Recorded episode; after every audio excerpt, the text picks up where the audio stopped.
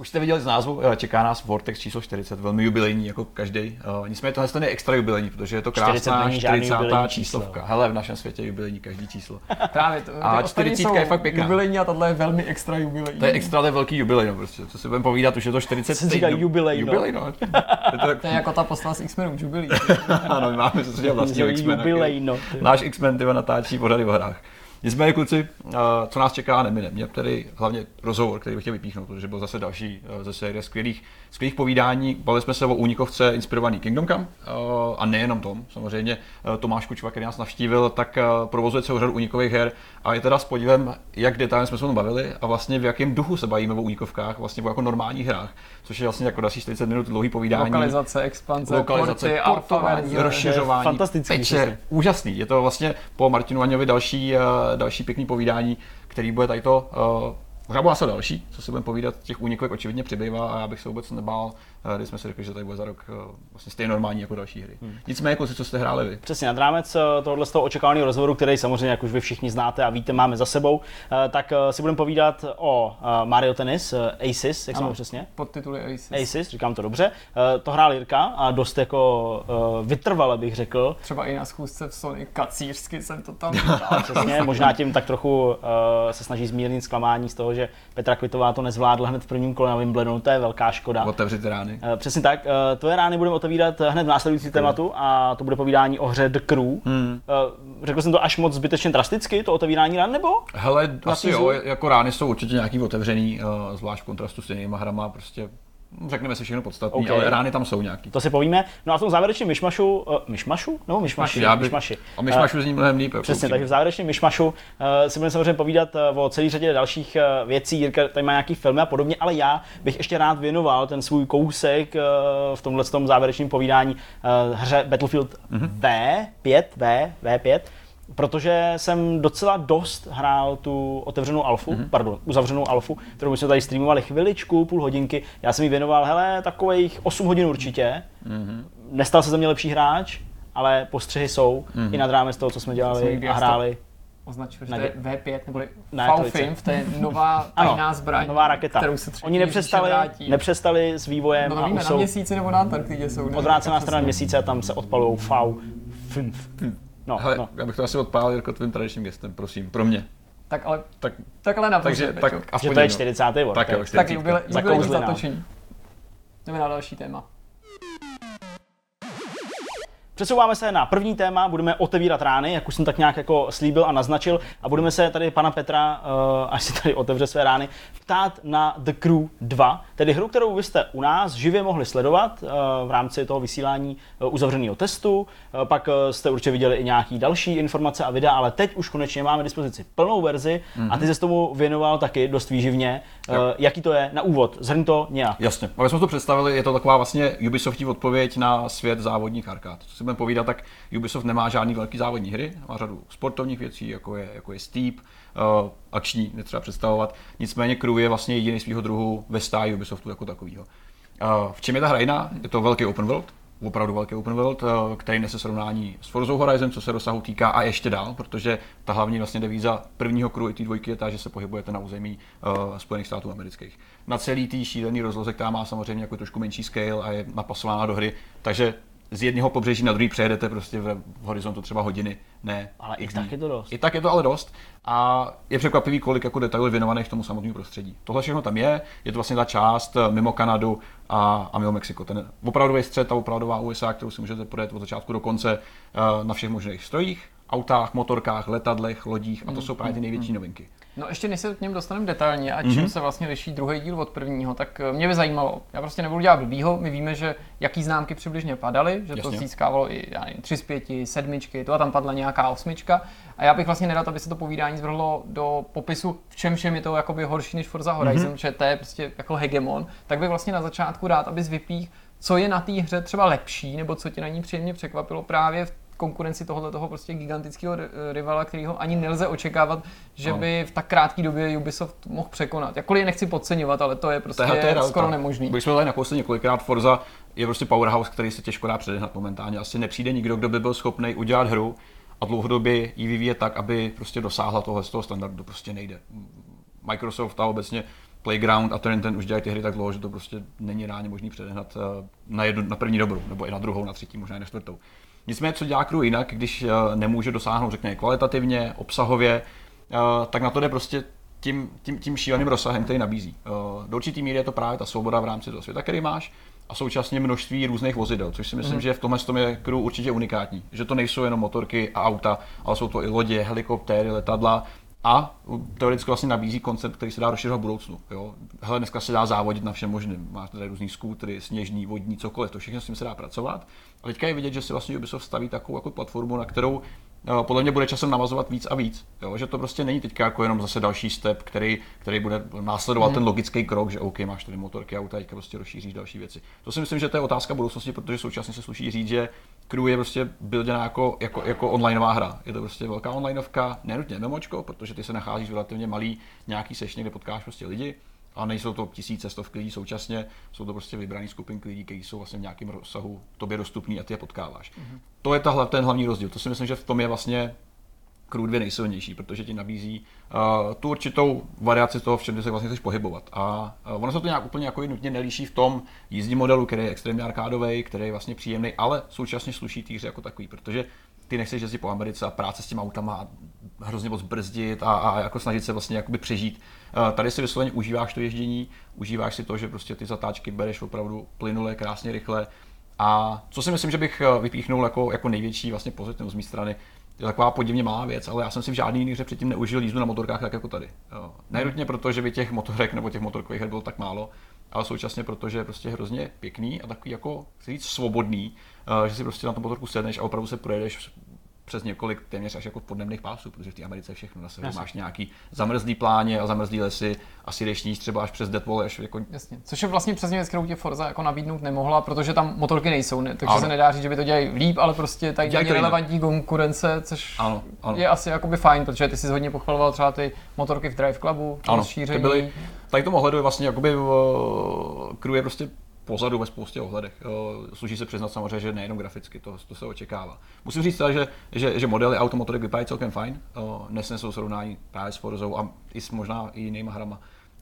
nicméně tady očividně kladený důraz právě na ten svět jako takový, který ale současně nevyužitý. To si myslím, že se sluší do hnedka. Obsahu, co se množství závodů týká, toho je hromada. Tohle reálně prostě to ti vydrží na spoustu, spoustu hodin.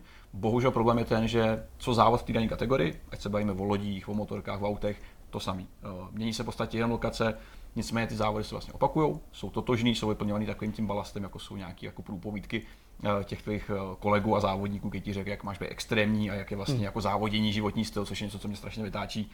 A jinak se to vlastně nemění. A co jsem si tak nějak spozoroval, sám jsem si vyzkoušel, když budeš crew 2 hrát stylem, že budeš jenom vlastně přes menu skákat ze závodu do závodu, tak se ti tak extrémně rychle zají, že vyhoříš po třeba 5-6 hodinách hraní. Já jsem se právě chtěl zeptat eh, na tohle, že už když jsem hrál ten test, eh, tak už v tom testu bylo možné opravdu jezdit ano. tak kamkoliv si chtěl. A ten svět je fakt velký, je opravdu jako dobře udělaný, je fakt jako monstrózní, ale uh, motivuje tě něco k tomu, aby si v tom jezdil? A ještě než mi jako začneš odpovídat, já mnohem víc styčných prvků než s Forza Horizon, mm-hmm. tam mhm. vidím věci z Test Drive Unlimited, mm, ano. který vlastně ti jako nabízeli poměrně dost velký prostor, dobře zpracovaný, dal by se jedna ku jedný, třeba tu Ibizu ano. a tak dál, nebo Hawaii nějaký ten ostrov, no, ostrov na Havaji přesně. A jako tam jsem byl motivovaný jezdit a vlastně jsem jezdil rád, protože jako nebylo to zas až tak velké velký, hmm. ale zároveň ten, ten takový ten legendární závod kolem Kolem celého toho ostrova taky jako trval poměrně dost dlouho, nějakou hodinu určitě. Závod, jo, takže Motivuje tě teda něco k tomu, abys jezdil? Mně se líbí, že si použil ten Test Drive Unlimited, protože tohle je reálně moderní Test Drive Unlimited. Tohle je opravdu ta podoba moderního Test Drive Unlimited v tom okay. směru, že vezmeš to auto, motorku, cokoliv a objedeš si prostě tu tu, ten šílený region, prostě ten kus světa. V tomhle tom ohledu vlastně Test Drive Unlimited, když se podíváš zpětně, tak tam taky těch závodů nebylo moc těch aktivit. Reálně to bylo fakt jenom o tom požitku z toho, že jedeš z bodu A do bodu B.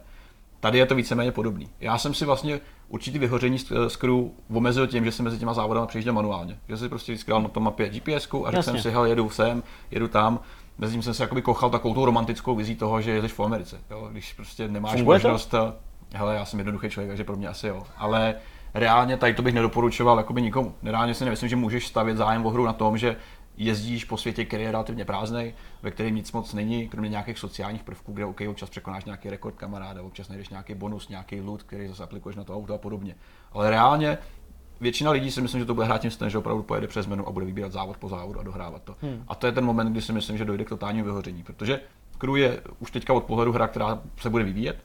Kdo prostě hrál Ubisoftní onlineovky, jako je Division a podobně, tak ví, že ty hry s každou sezónou rostou víc a víc a ten první model, který koupíš, který vlastně si dáš day one z toho krámu, tak je prostě zoufale chudej. Není nutně rozbitej technicky, hraje vlastně v tom ohledu jako podobně až na nějaký grafický glitch, který se prostě sem tam dělal, protože to prostě robustní open world, to se bude dít vždycky. Tak je prostě ale bez obsahu, který byl nějaký rozmanitý a může se stát, že reálně někdo bude mít co nabídnout třeba i za rok, za dva. Ale on, uh, i ten první díl jako se fakt doškal na standardní péči, už jsme se tady o tom bavili kolikrát mm-hmm. v minulosti. Ty mimochodem si to jakoby sledoval, takový tenhle jako třeba nějaký jako zlepšení těch autorů v tom smyslu, že musel ten první díl přijít, podobně třeba jako u Assassin's Creedu od mm-hmm. stejného vydavatele, k tomu, aby ta dvojka nabídla sebevědomější prostě prezentaci a zážitek? Určitě, určitě. Oni už si spoustu věcí vyzkoušeli právě na jedničce. Vy si pamatujete ten drastický rozdíl toho upgradeu grafiky a hmm. obecně jako vizuálního modelu, to byl jako jiný svět. Já jsem si pak říkal, ty, jak jsem to mohl hrát v té šílený hnusný kvalitě a přesto mi to líbilo. Z toho stejného důvodu, kvůli kterému se mu vlastně částečně krude líbí teďka, což je právě to ježdění a ta svoboda v tomhle hmm. slova smyslu. Nicméně tady vlastně staví přímo na té dvojce, takže ta hra už není ošklivá, vypadá vlastně docela pěkně. Plus využívá velkou část obsahu, který využíval právě to rozšíření. Wild Run se to tuším jmenovalo, Mm-hmm. A je tady vidět, že díky právě uh, lodím, letadlům, tak se věnovala péče nenutně tomu světu jako takovému. Když jste třeba jezdili po té Americe, tak si pamatujete určité části, které jsou i tady víceméně nezměněné. Technicky, mm-hmm. graficky mm-hmm. jsou víceméně stejný. Ale tady dodatečná péče je věnovaná třeba takový tý jakoby vodním oblastem a podobně. Typicky v New Orleans můžete projíždět eh, loděma mezi těma takovými, jak tomu říká, mají, eh, takový ty no, vlastně jasně. bažinovitý prostě jo, jo, víme, říčky a podobně. Hráli určitě nejoblíbenější českou hru Mafie 3. Ano, přesně. No jasně. Takže tady to jako jsou samozřejmě logické věci, které se musely stát, když už najednou máš nový prostě dopravní prostředek. Musíš prostě se trošku víc snažit vybudovat tu vodu. OK, letadla jsou třeba sami o sobě pro mě absolutně nezajímavý líný, ale nabízí se to, chceš prostě rozšiřovat nějaký hmm. park, tak to máš. Hele, my když jsme hráli eh, ten test a streamovali jsme to, tak Jirka tam samozřejmě vládnul celou řadu myšlenek a nějakých dotazů. A jedna z těch věcí, která tam padla, a to mě prostě zajímá, jestli to funguje v té plné hře, je uh, to, jestli tě ta hra uh, uchvátila nebo zaujala i v tom ohledu, že třeba rychle střídá ty jednotlivé druhy závodů po sobě. Hmm. jako, je to takhle v té hře udělané, nebo je to roztrkaný spíš méně dynamický? Dynamicky. Protože moje představa, Jasně. ještě, ještě než jako cokoliv tady začneš hodnotit nebo říkat, je prostě taková, že opravdu jako někam dojedu eh, autem, vyhraju závod, de facto přeskočím do lodi, jo, mm-hmm. odvezu se někam k nějakému letišti, tam rychle skočím do letadla, letím letadlem, jo. jo. Jsou tam takovéhle závody? To je systém, který je teda jednak taky unikátní, ten se nezmínil, to, že můžete vlastně v real přeskakovat mezi určitými typy vozidel. To je samo o sobě docela jako, jako vtipná věc, která funguje překvapivě dobře, technicky. V tom smyslu, že ty prostě můžeš jet a z auta se dostaneš do letadla během vlastně dvou vteřin, když jsi někde ve městě, v rámci zasekne, závodu v rámci freeridu v závodech se to děje trošičku jinak, to je už zase jiná, ne, jiná pohádka. to právě. V rámci freeridu to prostě máš pod rukou, pod palcem, na pravém analogu si prostě zvolíš během vteřiny a jsi prostě v něčem úplně jiném. To je, to je překvapivě dobrý. Jako ten Steep. No jasně. Jako ten Steep, ano. Přesně, to je, to je velmi podobný systém, který oni asi z částí sdílejí. Proč ne, taky samozřejmě. Ale v závodech to tak nefunguje. Vlastně funguje tak, že ten, ten hlavně core té hry nebo tu hlavní kampaň tvoří pět nebo šest turnajů, Eh, který jsou také navázaný. Ne, že ty si můžeš nějak svévolně volit mezi těma typama vozidel, ale ten závod prostě pokračuje hmm. tak a navazuje na sebe. Takže ty prostě jedeš. Ale jednotlivé jedna etapa... jsou uzavřený, není to takový, jako že když hodně za fantazíru, za fantazíru, kámoš mi ujíždí, protože je lepší v autě, tak já skočím hmm. tu chvíli prostě do lodi a pokusím se po řece, která vede okolo. No, to ne, ne, jako ne, ne, to, příliš, to se neděje, to se neděje. Většinou tam závod má nějaký tři etapy, takže začínáš prostě na motorce, skončíš jo, z nějakého skokánku do vody, tam se přepneš na loď, končíš v letadle. Takhle se to prostě děje, je to ohraničený, to pevně daný. Ty závody, zrovna tady ty příběhový, příběhový fotovka, příběhový jsou naskriptěný tak, že jsou pěkně udělaný, že třeba v Grand Canyonu jezdíš v době, kdy tam je sníh a podobně. Jo, jakože takové věci. Aha. To je hezký. Samozřejmě pak tam ještě celá řada, což je největší množství právě těch jako bočních závodů, ty vyděláš peníze a nějakou tu reputaci. Jo. Je to prostě o tom, že nejenom, že máš vlastně tři kategorie aut, jako jsou prostě voda, vzduch a hmm. aut, sorry, vozidel, a co jsem říkal, voda, vzduch a ještě země, že jo? To jsou ty tři to věci. To jsou tak samozřejmě ještě v ten moment a pak zase... Lilu multipack. a pak se ještě přesně dělají zase na... Máš různé živly, třeba oheň. Oheň, ohnivý auta ještě nejsou, a to bude příště. Nicméně i ty samotné kategorie se ještě dělají zase na další subkategorie a zase Jasně. prostě se ten jakoby obsah dost granuluje a nemyslím si, že v tom ohledu to je úplně jako nutný, víš, hmm. že typicky máš prostě street zá, závody, normální auta, pak hypersporty, pak motorky, pak supersporty, pak monster trucky, driftovací auta, uh, krosky a to vlastně jsem vyjmenoval sedm věcí takhle z hlavy, tam myslím, že ještě jedna nebo dvě navíc. Hele, mě by ještě zajímalo, asi nějak jako si typnu správně, když řeknu, že ty silniční závody v autech jsou pořád to hlavní, je to tak? Ano. Ale co mě zajímá, ty si pochválil ty motorky, mm-hmm. z toho jsem si odnes informaci, OK, tohle nebude jenom blbost, to se očividně jako Petrovi líbí, takže to má smysl tak mě zajímá, která ta disciplína je nejhorší, nebo která tě nebavila, nebo jestli tam nějaká nejhorší mm-hmm. je, mhm. třeba řekneš, že ne, mě prostě narážím na ty letadla a na ty jo. lodě, o kterých mám určitý pochybnosti, ale třeba jsou neopodstatní. Jo, hele, jsou vlastně překvapivě fajn, lodě musím říct, že jsou celkem zábavný. A jsou tam dva druhy, že klasický speedboaty a pak takový nějaký upravený, šílený, a oni tomu říkají jetboat, myslím. Což jsou, ono to máš reálný kořeny, to jsou prostě lodě, které si dělali nějaký vedlác někde na jihu a vlastně to jsou lodička, která je vyhrabaná, do ní narvala nějakou V8 prostě z auta. Takhle vznikly tady ty lodě. Což je docela zábavný jako, řídit a zábavný to vypadá. A dělá to kravál jako korveta třeba, což je jako vtipný. A to jsou takový ty lodě, co vždycky startují, jak to, to startuje takhle, že vlastně jako pravý vlastně. A největší problém pro mě eh, jakoby samostatně jsou ty letadla, eh, kde jsou zase dva druhy. Je tam nějaká aerobacie plus air race. Aerobacie. A, nebo nevím, jak to říkáš. Aerobacilo. Aerobacie, přesně. Což jsou jakoby, hele, pokud chceš lítat s letadlama, tak hraješ hry dedikovaný pro letadla. Nepotřebuješ hráků, aby si řekl, hele, já chci letadla najednou, že? Protože většinou, jak to zná sám, když si no, letadlo, tak letíš prostě do Berlína tři hodiny v kuse nebo dvě hodiny v kuse a letíš prostě v simulátorech a podobně. Nicméně tady ty dvě disciplíny jsou extra bolavé, protože jsou teda extrémně nudný. Ta, ta samotná jakoby řekněme, stand část je, je úplně o ničem, protože ty neopakuješ dokola ty stejný pohyby, za ně dostáváš body, jsi tam sám, nemáš tam žádný kamarády nebo, nebo kolegy, kteří ti pomáhali. Takže těch triků jako málo? Nebo jako, že triků je hodně, ale opakuju se tak často, že, že prostě absolutní nezájem.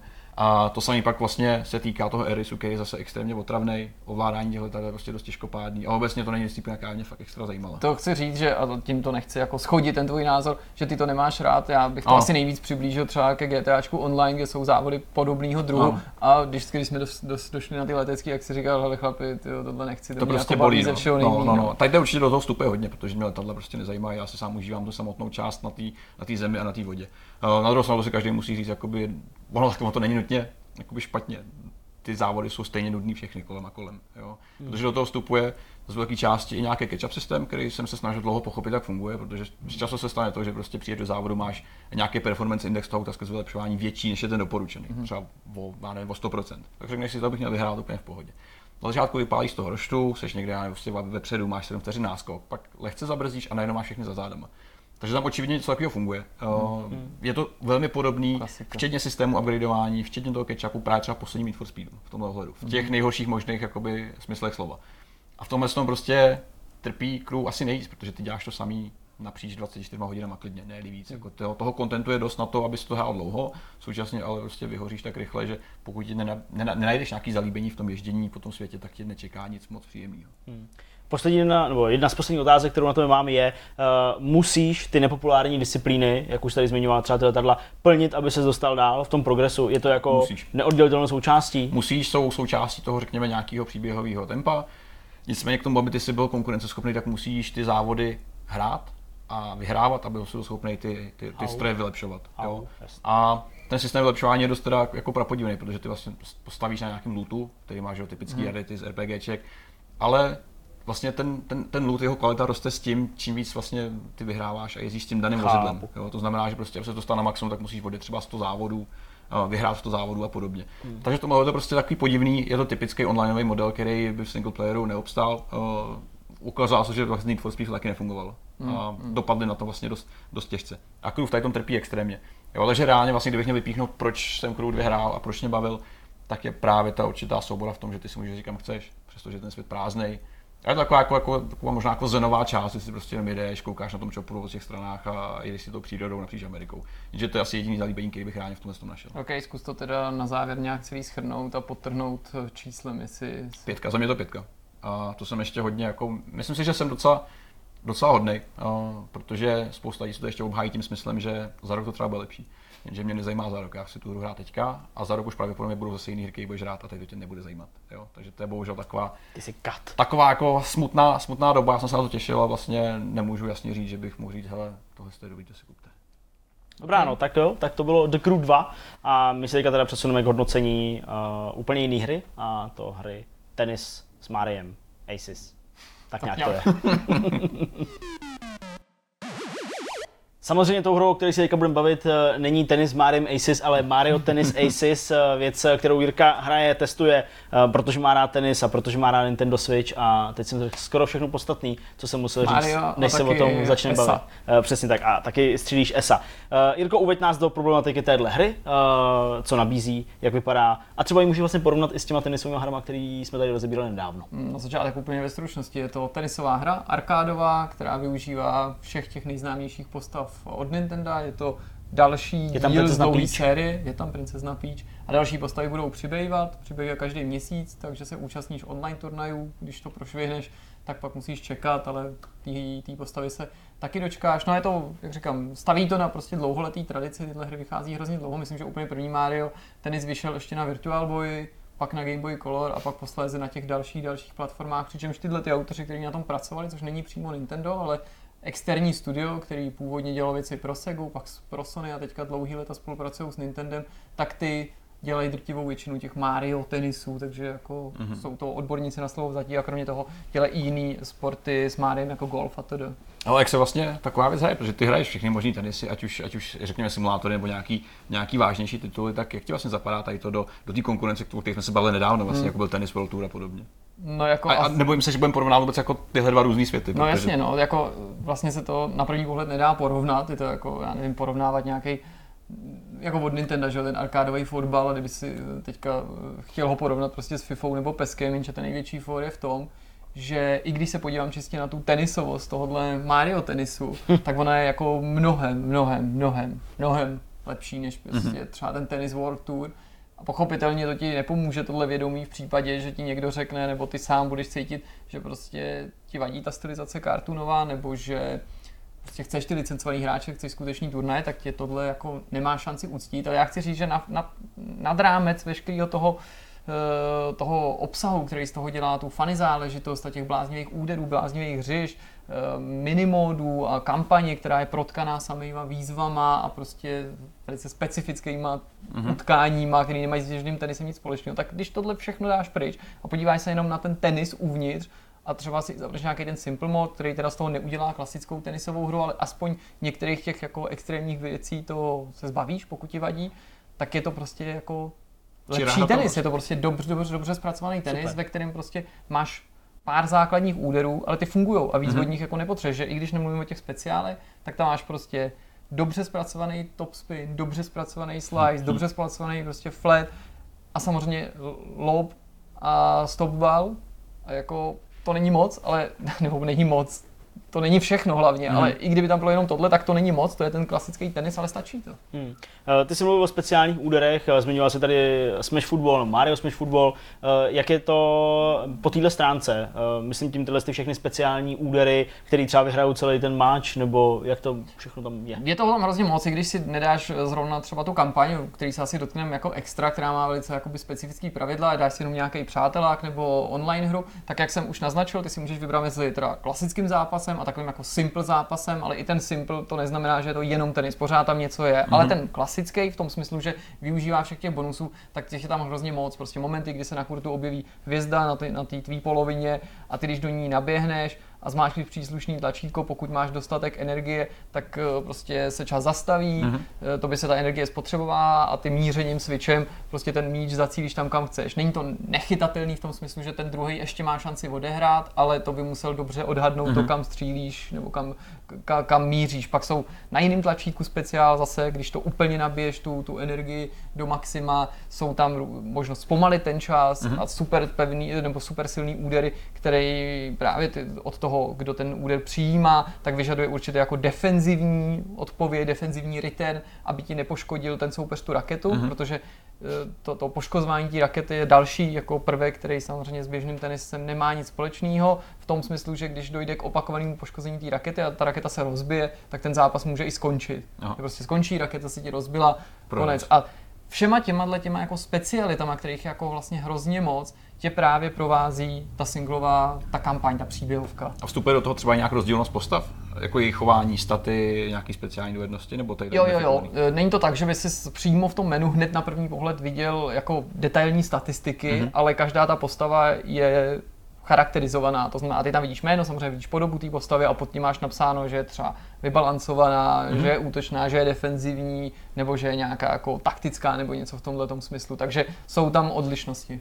Pojďme klidně na ty herní mody a dobře ta kariéra, kterou kampaň, kterou ty jsi zmiňoval už několikrát, eh, co ta nabízí nebo jakým způsobem drží eh, nějaký příběh u sebe? No tam mě dost jako potěšilo. Je jakoby příběhem podložená, ten asi nemá smysl teďka složitě líčit, prostě zase objeví se nějaký zlo na obzoru během Vario. toho, co, co něco, co Mario prostě eh, už, už, už vítězí v nějakém turnaji, nějaká prostě skrytá síla a ty to najednou musí řešit. Eh, chodíš po mapě, tak jako prostě eh, v jiných Mario hrách, takový ty, jo, co mají tu klasickou mm-hmm. top-down mapu, to je jako je hez, hezká mm-hmm. jako tady připomínka, včetně toho, že tu a tam jsou tam nějaké odbočky nebo slepý cestičky. No a hraním tenisu se posouváš směrem k cíli nebo k tomu vyřešení toho všeho. Prostě tady Mario zvítězí tím, že nebo jako uspěje v té kampani, takže hraje tenis. Ale kdyby to byly jenom klasické zápasy, tak by to asi byla nuda, nebo možná mm-hmm. nuda, ale to jsou prostě série velice speciálních výzev, ve velice speciálních prostředích. Hraješ prostě, to nejmenší je, že hraješ třeba v lese, na, na normální trávě a u té sítě, nebo kromě sítě, tam máš i ty kitky, které třeba po tobě něco plivou, jo. Nebo že hraješ na plachetnici a uprostřed té plachetnici na té palubě je sloup, jo, nebo jak se to jmenuje, ten stožár, stěžeň. stěžeň. Prostě Kater, to, teda Kateřina by věděla, možná Saturnin, prostě jedna z těch, jeden z těch dvou klacků, na kterým je ta plachta pověšena. OK, stěžení. Um, ten nesmíš trefit, jinak se ti to vrátí, nebo to, ten, ten pohyb toho míče nějak jako deformuje, že ho do autu, mm-hmm. nebo že, mhm. že letí někam jinam nechceš. A pak tam jakoby to přitvrdí samozřejmě, já nechci prozrazovat příliš případ, že to někdo bude hrát, že se dostaneš do takového strašidelného sídla, jako bylo třeba v Luigi's Mansion, mm-hmm, a jsou tam zrcadla, a ty když zahraješ do toho zrcadla, tak ti to přijde zpátky z druhého zrcadla, nebo když zahraje mm-hmm. ten soupeř na tebe z toho, Pomůže. tak on je samozřejmě využívá, tak trefí jedno zrcadlo a na tebe to přijde zase z druhého zrcadla, nebo mm-hmm. jsou tam pak už, že to nejsou ani zápasy, ale že si třeba máš na začátku osvojit ty pravidla nebo nějaký mm-hmm. speciální údery, takže třeba jako hraješ o zeď, ale ta zeď se proměňuje a ty musíš trefovat určitý body. A pak to je obtížnější, že ty už tyhle ty věci samozřejmě znáš, takže tě třeba trénují v tom, jak právě se vypořádat s těma defenzivníma úderama mm-hmm. a Není to kurz v pravém slova smyslu, zase je jenom ta tvoje polovina a tam jsou třeba nějaký kitky na druhé straně, které zase na tebe plivají prostě nějaký ohnivý míčky a ty musíš ty údery vracet a postupně ty kitky pozabíjet a máš nějaký počet prostě vždycky jako věcí, co máš splnit, jak dlouho hrát, nebo co zabít, nebo mm-hmm. kolikrát něco udělat. A to je vlastně jeden z bodů, na který se snesla i určitá kritika. Z jakého důvodu? Protože jsou tam jako nezvyklý eh, jako skoky v obtížnosti. Ah, že jo. jsou tam zápasy, které jsou úplně banální a pak přijde nějaká výzva, ale není jenom volitelná, je povinná a je najednou strašně těžká. A normálně bych řekl, asi mi to nesedlo nebo to, ale ono se to jako opakuje, takový to, že se to pak zase ta obtížnost vrací jako mm-hmm. do nějakého očekávaného normálu. Mm-hmm. A koukal jsem na recenze, protože mě to právě jako zajímalo a píšou to jako v podstatě všichni se v tom jako shodují. Neschodují mm-hmm. se úplně v hodnocení té kampaně, někdo říká, že je furt super, někomu tohle to, to úplně znechutilo. To mě ne, mně se ta kampaň pořád líbí, ale považuji to za jako problém a je to jako citelný to, že tě to někdy dokáže úplně zastavit a úplně znechutit. Mm-hmm. A není to o tom, že by si neosvojil ten úder, jo? to už chápeš, jak to máš používat, ale je to prostě dlouhý, těžký, a tak, ale jako obdivu snahu Nintendo, že mm-hmm. prostě udělalo kampaň, ve které jenom nehraješ prostě jeden zápas mm. za druhým, což jako o tom tenis je, ale tady by to lidem nemuselo úplně sednout. Přesně tak. Jirko, ty jsi říkal, že hra vychází na Switch, nebo to si neříkal, to je obecně pravda, uh, to nemusíš nutně tvrdit. Uh, jak využívá vlastně hra to ovládání, kromě případu, který jsi zmiňoval už v rámci toho samotného tenisu zápasu? Je tam třeba extra mod, samozřejmě je, že hraješ to v handheldu, hraješ to zadokovaný, uh, nad rámec toho, co nemusí být úplně pravidlem u Switche a u těch third party her musím zmínit, že jako first party hra to má nádhernou grafiku, vypadá to mhm. perfektně, jo, prostě rozlišení, frame rate, všechno šlape, prostě podle mě je to jako pecka, ozvučení, všechny tyhle věci fungují. A co se týče ovládání nebo možností, které tomu Switch dává navíc, tak je tam takzvaný swing mode, který je mhm. úplně oddělený od té kampaně, od těch běžných přáteláků, prostě stojí vedle, musíš ho extra jakoby zapnout a ten ti umožňuje hrát ten Mario tenis prostě stejným způsobem, jako jsme hráli tenis u Wii Sports. Mm-hmm. Každý si to určitě vzpomíná, to znamená, vezmeš tady v tomto případě. Funguje to, jo. i když asi by si čekal možná po těch letech větší citlivost. A. Ne, že by to bylo horší než Wii Sports, to vůbec nechci srovnávat, ani si to už tak dobře nepamatuju, abych to vůbec porovnat mm-hmm. mohl, ale možná bych čekal, jako, že to bude ještě o citlivější, jo. ale třeba to bylo nerealistický. Rozhodně to funguje a je to zajímavý. Určitě si mm-hmm. myslím, že si to najde příznivce i tím, že je možná chytrý rozhodnutí, že to se nekombinují to běžný hraní s tímhle, že to stojí někde jako bokem. A sice nevím proč přesně, ale líbí se mi, že v tomhle módu dokonce můžeš využívat i challenge. Mm-hmm. To znamená, že můžeš v případě pochybností o správnosti toho míče, toho, jak byl sudím ohodnocený, mm-hmm se pokusit tohleto rozhodnutí napadnout a třeba si zjistí, že si jako měl pravdu, což v těch zbývajících módech není z nějakého důvodu. A nevím jako proč, ale líbí mm-hmm. se mi, že tady to je každopádně. Hmm. Co multiplayer? Uh, ať už lokální, anebo onlineový, jak funguje, nějaký uh, lagy a takovéhle věci? Samozřejmě jsou různý ty online turnaje, ale můžeš si zahrát i rychlej přáteláček. Já s tím mám dobrý, dobrý zkušenosti. I když jsem třeba tu chvíli byl hodně daleko v bytě od uh, toho modemu, od toho Wi-Fi routeru, tak uh, to fungovalo fajn, což mi příjemně překvapilo, že někdy jsou na to ty hry citlivé a tady se s tím ta hra docela mm-hmm. jako vypořádala, ačkoliv vím, že u jiných jsem třeba s tím trochu měl nějaký zlobení. Uh, najít toho protihráče je otázka okamžiku, s tím jsem taky neměl žádný problém.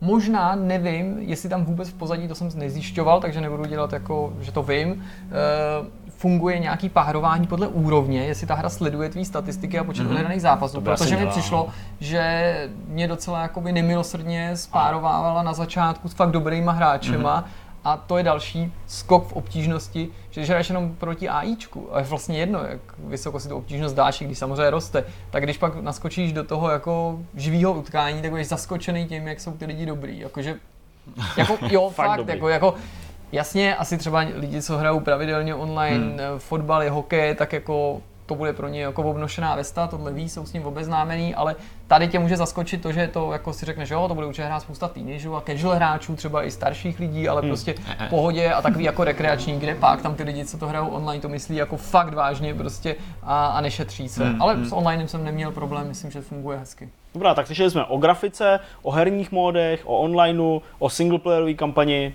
tak to nějak zřejmě asi. Hele, celkově za to mně se ta hra líbí. Mm-hmm. Za mě, ačkoliv koukal jsem, že obecně hodnocení, já to mám rád, když to tady vždycky padne, jsou někde kolem 75%. Já bych dal 8 z 10, protože tu výtku k té kampani nemám takovou, že by mi ta obtížnost to Rozumím. kazila. Líbí se mi to. Já ne, že bych si nedokázal představit nějaké věci opravit, vylepšit, konec konců i se těším, že tam budou přibývat postavy a vždycky může být větší variabilita, mm-hmm. ale u sportovní hry co na ní udělat jinak. Právě ta variabilita je něco, co jí prodlužuje životnost a pak jsou to věci jako mod journey že, a tyhle ty věci že, ve FIFA třeba.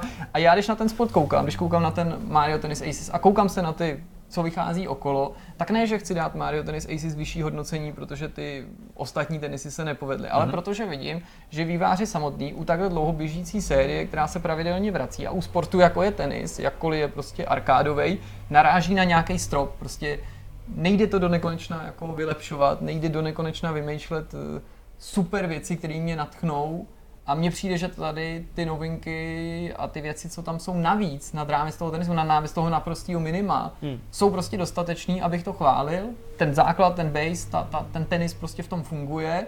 A chci tomu dát takovýhle hodnocení, hmm. protože mi to prostě přijde fair, protože pořád nechci, aby to znělo je to jakoby jenom tenisová hra a ty nemůžeš očekávat, že dostaneš prostě Mario Odyssey, hmm. vlastně, že dostaneš prostě něco jiného než sport. Jasně. Dostaneš prostě sportovní hru a tahle sportovní hra je poctivě udělaná, má své chyby, to je prostě fair připustit, hmm. ale povedla se. Hmm. Tak jo, tak já myslím, že zase uh, téma vyčerpáno a pojďme na ten slibovaný rozhovor. Jak jsme vám slibovali v úvodu, i ve 40. Vortexu pro vás máme další zajímavý rozhovor a tím dotazovaným dneska bude Tomáš Kučva. Ahoj Tomáši. Ahoj, díky moc za pozvání. Uh, důvod, proč tady sedíš, uh, je hned, uh, no, ne dvojí, ani trojí, těch důvodů je hrozně moc a my si dneska budeme povídat o únikových hrách, protože ty jsi spoluzakladatel společnosti The Chamber a vy se specializujete na únikové hry a proč seš tady, pak vyzní asi možná v druhé půlce toho rozhovoru, zejména protože spolupracujete s Warhorse na únik unikovce, která je inspirovaná Kingdom Come. K tomu se všemu dostaneme. Tomáši, eh, první otázka, která na to bude od mě směřovat, je, kde se vzal nápad eh, založit společnost, která se bude věnovat a která se bude celá týkat unikových her? No, ten nápad takhle. Obecně ten počátek tohodle, tohodle industry, tohodle průmyslu se datuje někde do roku 2013. Vlastně je to relativně nová věc. Obecně přijímaná je ta idea, že to vzniklo v Budapešti, kde vzhledem k tomu, že tam byla spousta i v relativně širším centru spousta opuštěných budov a prostě maďarské hlavičky přišly s tím, že by tam mohli začít dělat jako hry založený na tehdy jako populárním a vlastně i do, do, do teďka populárním tom online modelu těch escape roomů, hmm. no, těch, těch, těch her. Takže tam oni, oni vlastně přinesli poprvé tady ten formát, tak jak ho známe teď. A my jsme tehdy s tehdejší přítelkyní byli v Budapešti na výletě. E, tam nás překvapilo, že na TripAdvisoru prostě na prvních deseti místech jako byly tady ty, tady ty escape roomy. Já se přiznám, že tehdy já jsem neznal ani ty online escape roomy, já jsem netušil, o co jde. A zahráli jsme si jednu, skončili jsme asi na 13 tehdy ten víkend, protože nás to hrozně chytlo.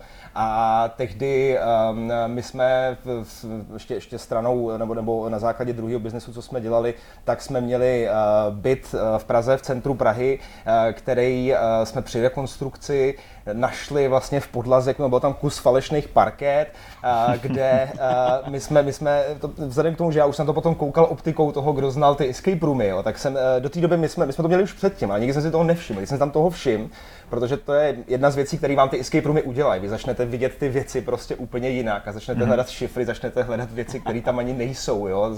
Už tady vidím jako zase x věcí, které bych chtěl řešit. A, a, tady něco, něco skrývá za tím. Tak, tak, tak, no, tam bych hned hledal, jako UVčkem bych tam svítil. A, takže tam tehdy nás to teda zaujalo tou, tou, tou nově získanou optikou, jak jsme to vykutali, ten kus, a my jsme tam našli takový stoch starých v Němčině dokumentů, včetně jako anatomických nákresů různých a těch věcí věcí a my jsme tehdy samozřejmě první myšlenka byla uh, sakra, to bude, to bude něco, něco prostě hrozně ceného, to jsme našli opravdu nějaký rukopis, na který tam běžíme do antiku, jdeme to, jdeme to monetizovat, máme, máme vystaráno, jo.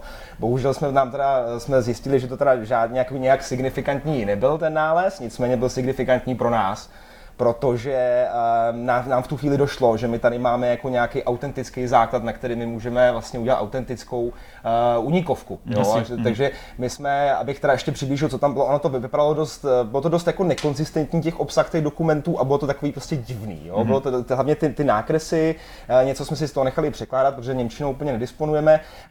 Když to hodně zkrátím, protože o tom by se dalo taky květnatě povídat Jasně. dlouho, uh, tak jsme skončili vlastně ve třetím patře v tom domě u paní Anešky, který byl tehdy 94 let, už jsem další dobu neviděl, doufám, že ještě pořád mezi náma, protože my jsme už potom byli zoufalí a snažili jsme se opravdu najít v tom něco a chytnout se toho jsme ani nevěděli, kdo to napsal, to nebylo signovaný. A e, ona se rozpovídala, že si pamatuje z mládí prostě ještě jako ze 40. 50. let, ačkoliv tady ty dokumenty byly datované ještě, jako to, bylo, to byly 20. léta, ale žil tam prej celý život prostě pán, který tam velice, velice pravděpodobně to byl on, protože mm-hmm. byl, byl, byl uh, germánského původu, uh, takže že tehdy jako, jako děti nebo i obecně mládež v té v v oblasti prostě ho si o něm povídali hrozně strašidelní jako historky, mm-hmm. protože byl prostě divnej, smrděl, smrděl to z toho toho bytu, kolikrát ho neviděli vylíst prostě dva týdny a byl to prý jako lékař uh, původem, a takže nám to začalo samozřejmě šrotovat. Říkám si, no to je, to je story plot, který jako uh, to musíme, to musíme využít. Takže jsme kolem toho samozřejmě, je to, je to volně inspirovaný tím, jo? Není, jako, není to tím, že by to bylo opravdu, nemáme potvrzení přesně, co se tam stalo, nicméně udělali jsme si z toho nějaký obrázek, měli jsme k dispozici prostor, kde on měl pravděpodobně svoji pracovnu, mm. tak jsme si řekli, jdeme do toho. Takže my jsme postavili tehdy tu první hru, tajemná pracovna, která funguje doteď. Je to hra takzvaný první generace, to znamená, není tam moc jako moderních technologií, digitálních technologií, nicméně je to opravdu taková ta, uh, taková ta jak, jak, říkal Robert Vaňo, který jste tady měli jako Jasně. hosta, tak je to taková ta old school hra, která jako opravdu pořád hrozně baví, nicméně eh, z hlediska toho technologického to není, není žádný showcase toho, co, mm-hmm. co dneska umíme. Takže tím my jsme se k tomu dostali a v momentě, kdy jsme, protože my jsme byli taky vlastně s Mindmate, jsme byli jedni, jedni z prvních v Praze a uh, když uh, jsme viděli, že to má úspěch, že to ty lidi baví, tak jsme okamžitě začali dělat na druhé hře Hackerovou doupě a pak už to prostě šlo, hmm. protože ta hmm. návštěvnost byla a uh, lidi, lidi to měli rádi, takže to už bylo organický vývoj potom. The Chamber má momentálně několik her. Kolik toho vlastně děláte? Jaký to má úspěch? Kde ty lidi vlastně můžou najít ty hry? My máme těch her 13 teď v tuhle chvíli, máme, máme vlastně 6 v Praze, uh, 3 jsou v Ostravě, mm. vlastně, vlastně franšízový partner, tři máme v Liberci, kdy jsme otevřeli ve Františkových lázních a teď, teď, teď vlastně začínáme prodávat i do zahraničí, se bude otevírat v Kuwaitu, Dům duchů, ale o, o, tom, o, tom, o tom třeba, třeba později. Nicméně eh, v Praze jich je teda šest plus uh, teda jedna mobilní, což je taky dost, dost my jsme to teď vlastně mhm. otevřeli, mm. otevřeli, dokončili a zhruba před třema měsícema postavili mm. jsme vesmírnou loď do nákladáků. Uh, oni, uh, obecně ty, ty mobilní hry začínají vznikat i ve světě, nicméně většinou třeba v Americe je to hodně, ale oni vezmou nějaký přívěs, který v podstatě uvnitř nijak výrazně nezmění, jenom přidají ty pedloky a mm. udělají z toho takovou tu first generation, jak se říká, hru. Nicméně my jsme vzali opravdu to největší Iveco, pětitunový, uh, vykuchali jsme ho a na vlastně devíti, necelých deseti metrech čtverečních jsme prostě postavili uh, opravdu kulisu mm. docela věrnou si myslím vesmírný lodi, s tím, že ta hra tam trvá 20-30 minut a jezdíme teď s tím po festivalech, teď jsme byli na náplavce a podobně, takže mm. je to takový zase, zase obohacení programu tady těch, eh, tady těch větších akcí a samozřejmě pak se to pronajímá i na eventy mm. a, a podobně, protože ty, ty unikové hry měly tu velkou nevýhodu, že jsou prostě statický a mm. vázaný na tu lokaci a, a toto jsme se rozhodli trošku tady tím, tady tím změnit. No a potom vlastně ještě další hrou je teda, jak, jak jste už naznačili, Kingdom Come, ale k tomu se asi ještě, k tomu ještě se dostaneme. dostaneme. Určitě. Eh, mě by hrozně zajímalo ten vlastně skok od těch nalezených dokumentů po mobilní hru v nákladáku je ohromný, úctyhodný, stal se na rozmezí několika málo let. Mě by ale pořád stejně zajímalo ten začátek ve smyslu toho, když jste si řekli, uděláme unikovku, už si nějaký viděl v té Budapešti, jak si říkal, kde se ale brali ty jako nápady, jak to udělat, jak to, jak to hmm. zpracovat. A Vzpomínáš vůbec, jo, samozřejmě na ten, na ten proces eh, vzniku těch prvních her? Uh, vzpomínám a uh, tam, tam to bylo prostě jasný. Já jsem byl nadšený, no, mám za sebou nějakou, ne kariéru, ale byl jsem nadšený gamer uh, jako celý mládí a uh, s tím, že moje, moje uh, parketa byly adventury, point mm, and click adventury. To je docela dobrý předpoklad. Z hlediska akčních her jsem velice nezdatný hráč, ale ty adventury vyšly a takový spíš, že jsem nad tím chtěl přemýšlet. A ty unikové hry, v podstatě to není nic jiného, než jako point and click adventura přenesená jako do real lifeu. Jo? Mm-hmm. Tam mhm. jsou stejné mechaniky, eh, v tom real lifeu teda ještě samozřejmě paradoxně těch možností je mnohem víc, jako ta, ta, ta imerze je samozřejmě někde jinde, takže prostě lidi, kteří bavili adventury, nejenom, nejenom ty klasický point and click, ale i prostě třeba RPGčka s prvkama adventur, eh, tak si tady v tom prostě najdou, najdou mm-hmm. hrozně moc věcí a mají vlastně možnost to zažít naživo. A vzhledem k tomu, že já tady těch her, já jsem prostě začínal na, na hrách jako Maupity Island, prostě tehdy, když to bylo ve Skorečku asi v 99. jako, jako hra zadarmo, což byla tehdy jako nejtěžší, nebo obecně, do, možná doteďka je to považovaný za jednu nej, z nejobtížnějších adventur jako na světě, protože hmm. to skoro nikdo nedohrál. Oni dokonce měli tehdy, myslím, že měli trošku, trošku problém s tím, že někdo spochybňoval, jestli se to vůbec dohratelný, ale jo, pak se to samozřejmě to lidi dohrávali. Takže já jsem, ne, že bych to kopíroval, ty puzzle tady z těch hmm. adventur, ale je to obrovská studnice inspirace, který se lze čerpat a v momentě, kdy tady tu mechaniku, tady ty mechanizmy těch her ten člověk zná, nějak se v tom orientuje, tak je samozřejmě mnohem snažší potom mm. to, to nějakým způsobem replikovat v tom, nebo ne replikovat, ale uh, implementovat do toho, do toho reálného světa. No. Mm. Kdyby měl vypíchnout jednu konkrétní věc, jeden konkrétní prvek na jakýkoliv vaší hře, kterou máte k dispozici, anebo třeba možná jenom připravujete, uh, a který ti přijde jako nejkomplikovanější, nejsložitější, nebo možná na který jsi nejvíc hrdý, jaký by to byl? Komplikovaný z hlediska jako backendu technologie nebo z hlediska toho frontendu jako hráče? No jako spíš toho backendu, že jo? Samozřejmě na hráčích je to, aby to zvládli, ale to, aby to připravil, vypadalo to fakt... Ten, uh, ten, ten to, to, to, nemůžu říct jednu věc, protože my třeba ty, ty, ty, ty pozdější hry, jako ten Doom duchů, nebo teď máme vlastně nový Doom duchů Poltergeist, což už je, nebo obecně to je přijímaný i v zahraničí jako jedna z, nej, z technologicky nejvyspělejších her na světě.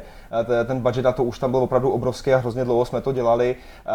Ta, tam vlastně celá ta hra je eh, řízená naší custom made aplikací dost robustní, jo, tam mhm. prostě, teď vám neřeknu přesný číslo, ale tam jsou opravdu jako vyšší desítky počítačů a, a stovky koncových zařízení a eh, to už samozřejmě ani nemůžeme dělat své pomocí, jo, to je jako sice custom made, ale už dělalo se to na zakázku, takže softwarově i hardwarově už máme vlastní prostě řešení.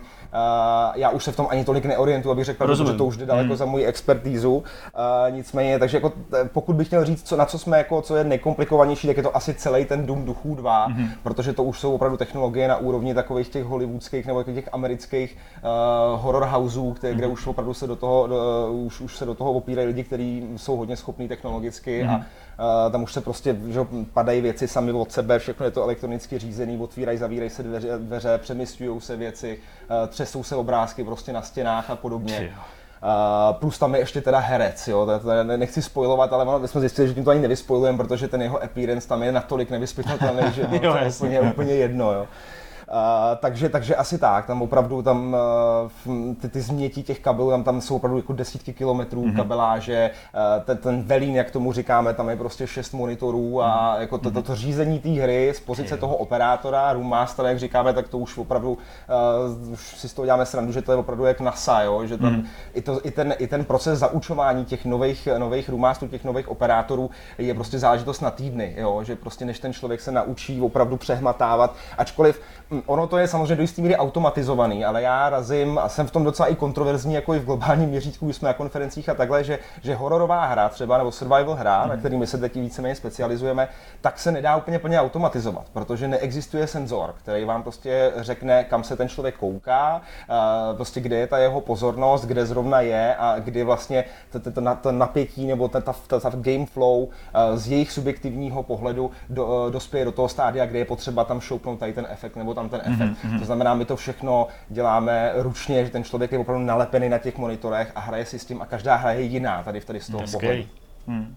Takže, no, takže, takže asi tak, no, byla tady ta hra. To když dostaneme u té produkce, kolik vlastně času lidí, řekněme, nějakých zdrojů vůbec vstupuje do tvorby takovýchhle věci? To už no, není jako rekonstrukce bytu, co si budeme povídat. Ne, není, no, není, jako v, v, v, tuhle chvíli to samozřejmě pořád ve fázi spíš investic, jako pořád z toho jako nic v podstatě nevidíme, hmm. pořád, pořád se to dotuje, protože věříme, že ta, ta doba teprve přijde, kdy se to začne nějakým hmm. způsobem, kdy se to začne nějakým způsobem vydělávat, nebo kdy budeme už tak velký, že to, že to je to jako do, do biznisových věcí tady asi nebudu, nebudu zabředávat, ale ta, jo, ta investice hlavně časová je obrovská. Hmm. I to z toho důvodu, že um, v podstatě, on to taky říkal vlastně kolega, kolega Vaňo předtím, že, on není nikdo, kdo by tady to dělal. Vy si nemůžete najmout firmu, pojďte nám postavit prostě tady, tu, mm-hmm. tady ten set protože uh, firmy, co vám dělají, uh, co vám dělají kulisy nebo filmové kulisy, tak oni to neumí udělat tak, aby to vydrželo, jo? že v mhm. podstatě je něco jiného postavit movie set, který se za dva dny zbalí, vyhodí, spálí, to bych vždycky brečel, když to vidím, to jsou věci, které... je to tak, no. To, tady, tady to je úplně opačný extrém. Vy mhm. tady potřebujete postavit něco, kde vám na to nabíhají vlastně desítky zvířat, řekněme, denně. Říkám zvířat, nemyslím to pejorativně, já to myslím tak, že vlastně konkrétně v těch, těch strašidelnějších hrách, tak tam ty lidi uh, naprosto ztrácejí soudnost a není to jejich chyba. To je naopak důkaz, že to děláme dobře. Mm. Jo? Tam opravdu, uh, kdybyste dali kliku uh, ke dveřím normální, někde koupenou, tak prostě za 10 hry pryč, jo? že všechno musí být extrémně robustní. Takže z tohohle důvodu opravdu je to, je to náročný hodně časově i na vývoj vymyslet ty mechanismy tak, aby vydrželi ten nápor. Mm. Protože potom, když se vám něco rozbije, máte tam další čtyři hry, tak to jsou jako potom už ztráty uh, docela velký. Takže uh, takhle, vý, vývoj jedné hry typu prostě uh, Domů duchů 2, uh, to Poltergeist podtitul, tak to je, to je otázka třeba půl roku mm. s tím, že ale na tom dělá kontinuálně třeba 10-15 lidí. Mm.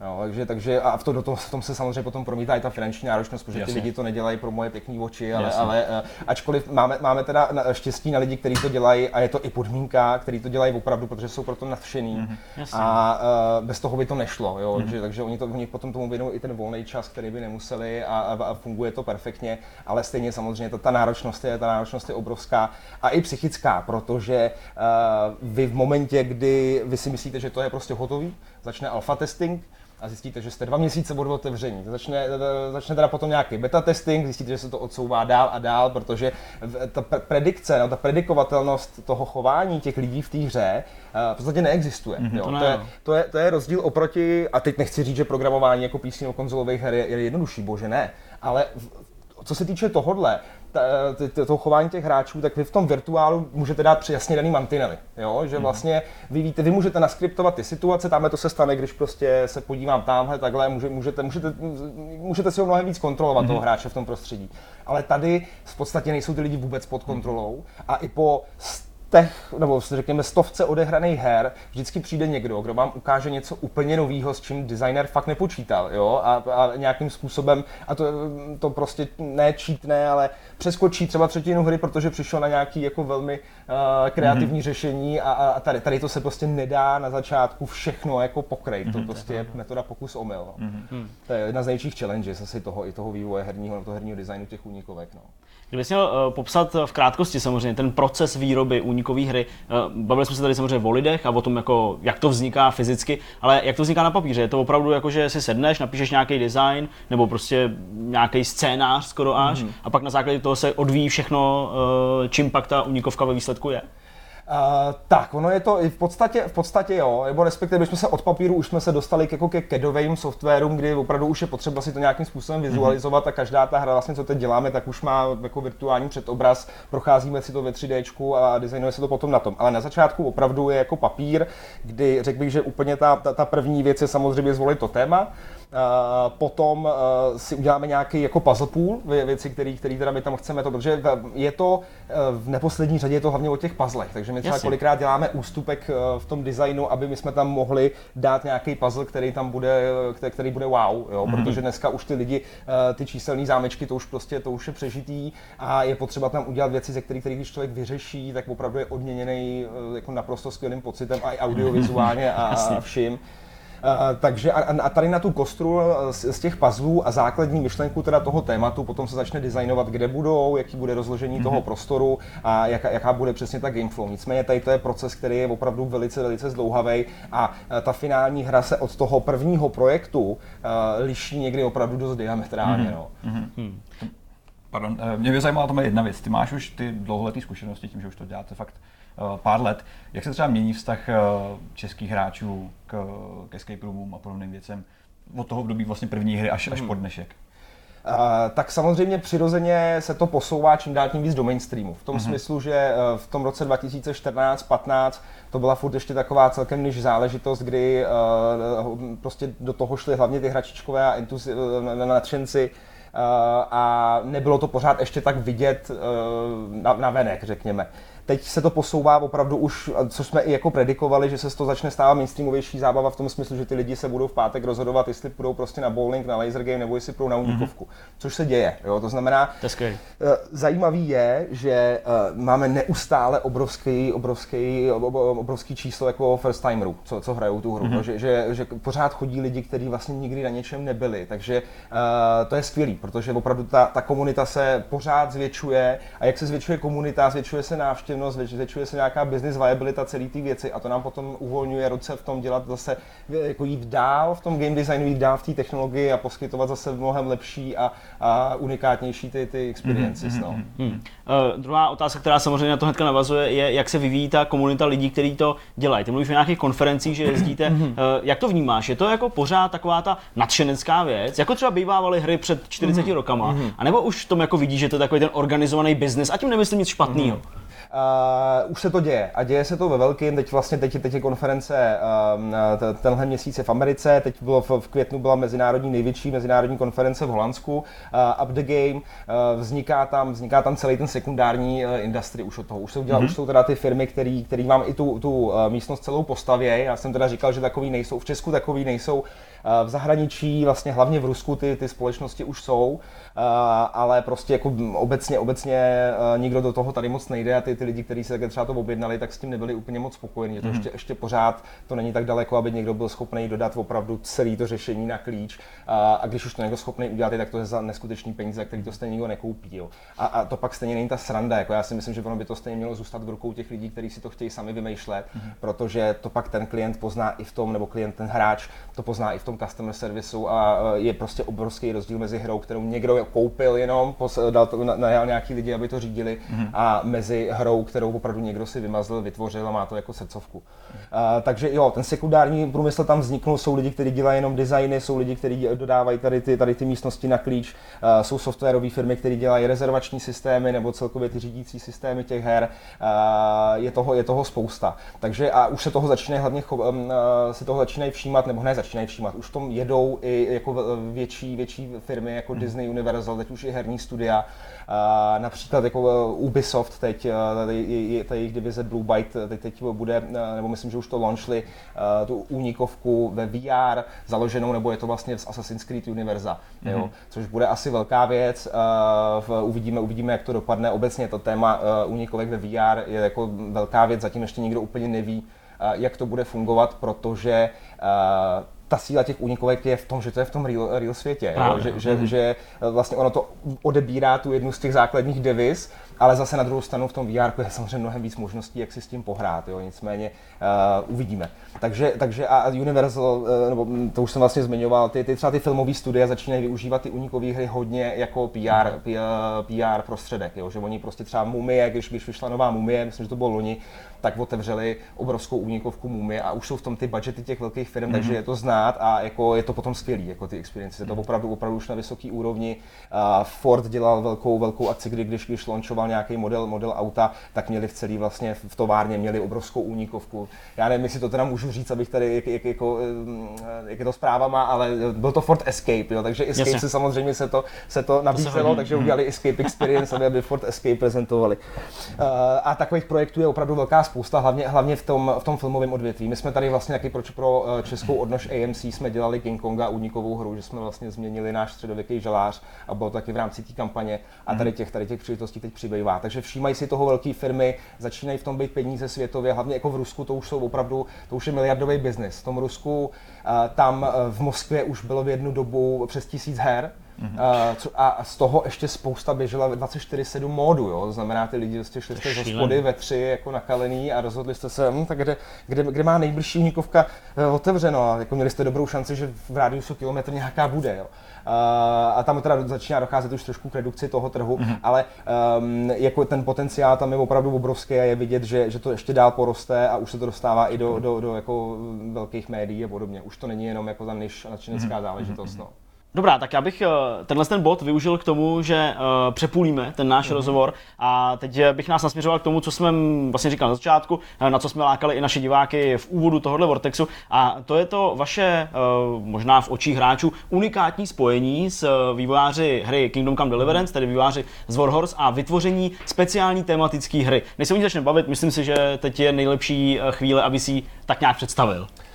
Dobře, my to, uh, my to uh, já, já si to dovolím nazvat jako, jako snad asi prvním jako real life datadiskem uh, ke hře. Perfektní. jo, že je, je to, kde bych začal, je to na tvrzi Malešov, což je neskutečně autenticky zrekonstruovaná tvrz zhruba 2 km od Kutní hory, 60 km od Prahy. Uh, relativně rozlehlá, nádherný výhledy jsou tam, fakt je to úžasný, úžasný prostředí.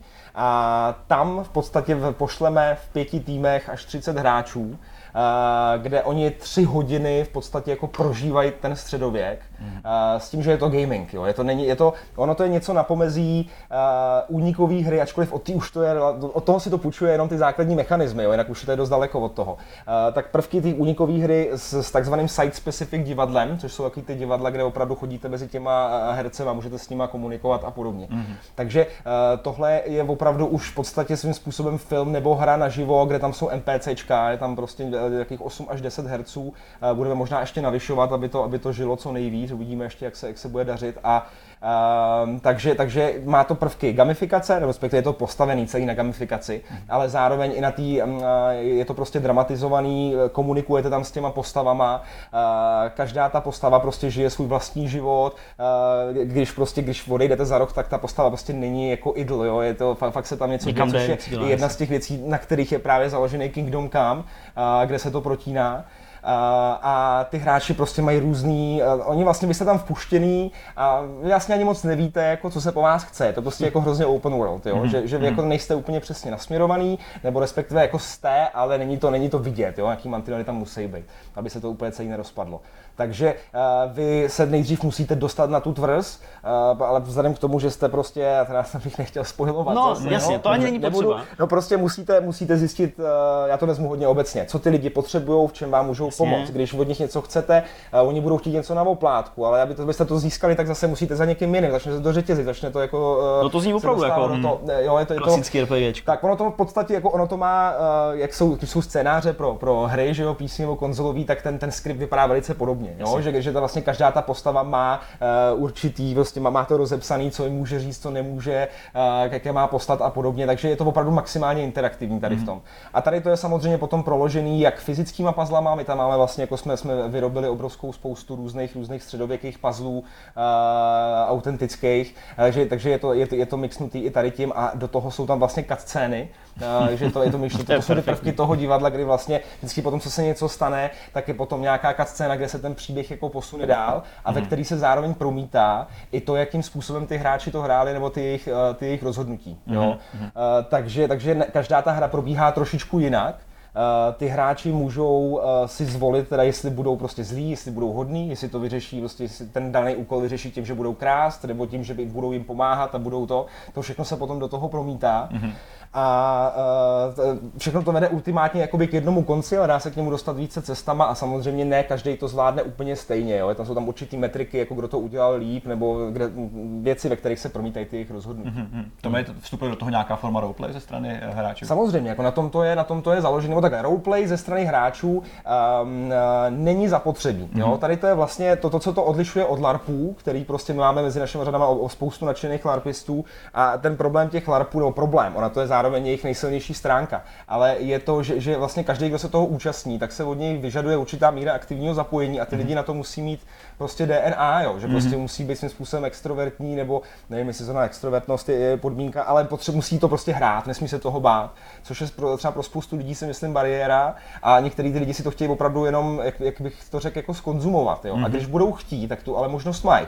Takže my jsme tam měli lidi, kteří si prostě při, eh, přišli ve svém vlastním středověkém oblečení jo, a, a opravdu jako vzali tu, tu středověkou uh, mluvu a, a, hmm. a opravdu to rozjeli a to je potom úžasný, jo, protože prostě na to se potom koukat, to je, to je fakt, to prostě ožije úplně geniálně. Takže ano, ten roleplaying není podmínkou, ale když se někdo rozhodne, tak je to vítaný a je to, jako dá se to rozjet pořádně. Bavíme se o Kingdom Come, teď eh, pořád mluvíš obecně o středověké záležitosti, mm-hmm. která by mohla fungovat sama uh, od sebe. Mm-hmm. Takže eh, kde je to spojení s Kingdom Come? Uh, jak třeba probíhaly nějaký uh, námluvy s vývojářema, mm-hmm. nějaký konzultace? Uh, byl to váš původní nápad, který vznikl uh, ještě předtím, než bylo Kingdom Come, nebo je to opravdu cíleně připojený k téhle hře? Spousta takových věcí mě napadá. No, my jsme před, asi před deseti rokama vymysleli Kingdom Come a potom, když jsme začali dělat fyzicky, tak ne, ne, ne, my jsme, my jsme tady to začali dělat nezávisle mm-hmm. a uh, pak vyšlo Kingdom Come kam, samozřejmě. A e, to ono, těch, těch kaus, těch um, příčin, proč k tomu spojení došlo, bylo, bylo několik. Jo. V první řadě, první taková, taková vlaštovka byla, když jsme najednou začali mít problémy s personálem pro jednu naší středověkou hru a zjistili jsme asi po čtyřech dnech, že to bylo tím, že vyšlo Kingdom Come. Jo. Aha. A, e, takže my jsme měli jako dost nadšených opravdu těch jako hardcore, hardcore hráčů hmm. mezi v našich řadách. Eh, plus máme v našich řadách eh, spoustu nadšenců do středověku, kteří jsou různě členové těch spolků, účastní se středověkých bitev, jako Libušína a podobně.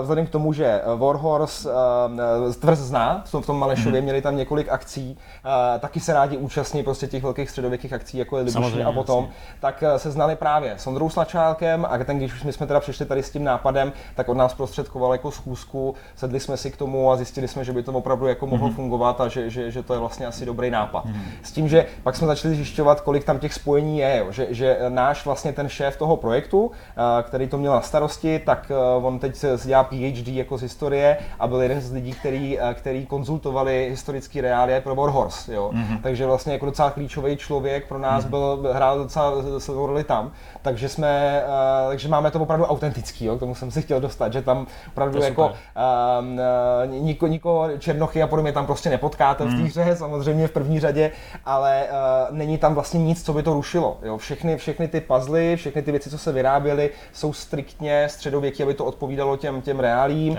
A uh, to, to se ještě musím dostat zpátky k té tvrzi jako takový. Ta tvrz, jak je, jak je zrekonstruovaná, tam není vůbec nic moderního. Tam jsou dokonce uh, vypínač na světlo, uh, je udělaný jako suk, jo, vlastně v dřevěném obložení, že až do takovýchhle detailů to jde. Mm-hmm. Takže a mimo snad jeden prvek nějaký bezpečnostní kamery nebo něco, tam není vůbec nic, co by vás jako vytrhlo z té imerze. Mm-hmm. A když potom se k tomu přidá to, že vlastně ty hráči tam nejdou ve svém oblečení, ale jdou tam prostě, my, my, my, jsme, jsme nechali ušít prostě hábity nebo, nebo ošacení dobový, tak vy tam opravdu není vůbec nic, co by vás z toho vyrušilo, což je třeba i rozdíl oproti, já nevím, prohlídkách někde na středověkých hradech, kdy sice je všechno parádní, načančaný, ale za náma je 50 dalších uh, lidí prostě v Adidaskách, který jako uh, tu imerzi trošku narušují.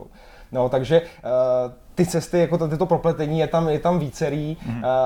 Uh, trailer nám bude točit člověk zase, který te, točil trailer i pro Kingdom Come a podobně, mm. zase úplně nezávisle, jo, jsme se k tomu dostali. Uh, takže jo, asi tak, no. Ty jsi zmiňoval, že hru si můžou užít teda i nehráči, lidi, co nehráli vlastně Kingdom Come.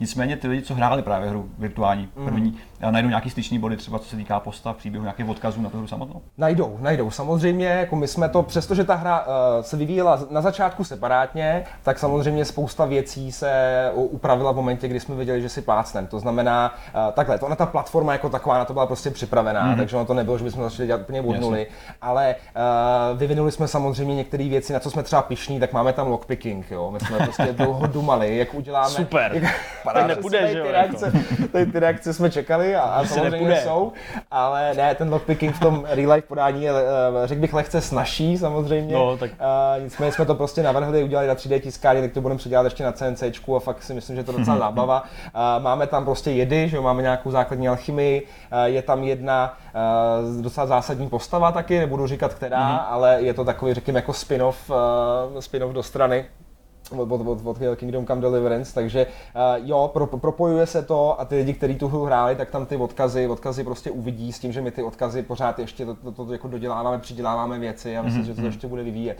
A jak jsem říkal, jako tam, tam celá ta idea eh, Kingdom Come je taky o autenticitě, že jo? což Jasně. je i ta naše idea, o tom už jsem mluvil, a i to, že právě ty NPCčka nejsou, uh, jsou dost prokreslený, je to prostě high resolution, co se tohohle týče a, a žije to tím životem mm-hmm. a, a jste ovlivňovaný tím svým chováním, tím tím, co jim říkáte a uh, jakým způsobem řešíte ty questy. Mm-hmm. Plus ještě další věc, která je společná, že tam jsou nějaký hlavní quest a jsou tam i side questy, jo.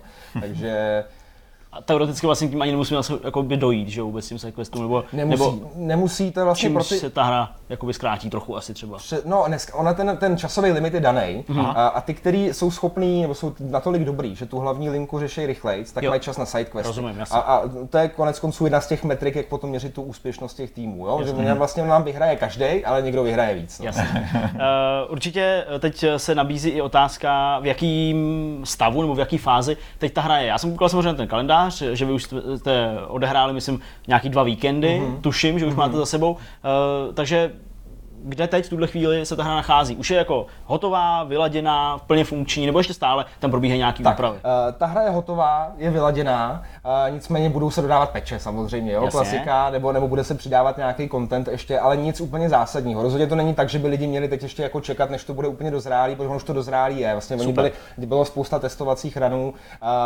v, takže, takže jako ne, ne, není třeba se bát toho, že teď už třeba teď ten další termín, že by tam byly nějaké nedodělky nebo něco. Mm-hmm. Jo, už, už jsme to odehráli toho dost. No, eh, já jsem vlastně to naznačil, ta hra se vždycky odhrává o víkendech, eh, ty si říkal, že je to až pro 30 hráčů. Mm.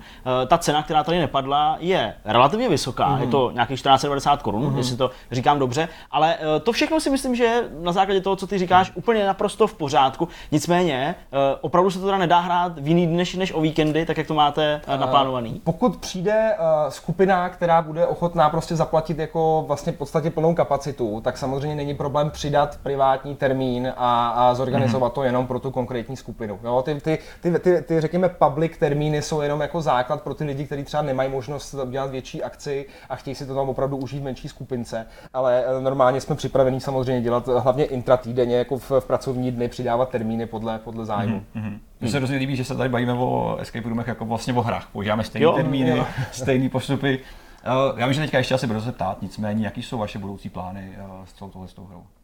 No tak samozřejmě epicness pořád čím dál tím větší, že, jo? že, že uh, my, my, to nechceme, my to nechceme přepálit úplně na začátku, to byl prostě overkill, nechceme úplně zase moc jako předběhnout ten vývoj, mm-hmm. protože bychom si na to mohli trošku vysekat, uh, takže, takže počkáme, jak to, jak, se to, jak to bude probíhat a chtěli bychom samozřejmě uh, to dál vyvíjet, udělat to třeba prostě, nebo, nebo uh, udělat nějaký rollout třeba i do jiných měst, mm-hmm. kde by třeba bylo třeba i větší, epičtější prostory, víc herců, udělat to pro víc hráčů, takže jako těch nápadů, jak se kam se to dá ještě vyvíjet, je obrovská spousta. Mm. Určitě bychom chtěli průběžně přidávat třeba i tady, tady, tady pro tu hru ne, ale pokud uděláme nějakou verzi 2.0, tak eh, přidávat eh, víc akce, opravdu třeba i souboje reální, prodloužit tu herní dobu, aby opravdu mm. jako třeba bychom dovedu si představit, že můžeme jít klidně jako na 12 hodin s přestávkou, udělat z toho částečně mm. aby opravdu už na konci ten člověk to měl tak v sobě, jako, hmm. aby se v podstatě vrátil jako do, do přítomnosti a řekl si jako to fakt, jo, že já, chci zpátky. Uh, takže těch plánů je jako opravdu spousta, chtěli bychom samozřejmě dělat, eh, dě, napadá nás i spousta jiných jako motivů, ale ten Kingdom kam se nám líbí hrozně moc hmm. i z hlediska toho, že k tomu máme opravdu blízko uh, hodně lidí od nás a ten středověk hmm. si myslím, že za to, za to opravdu stojí. No.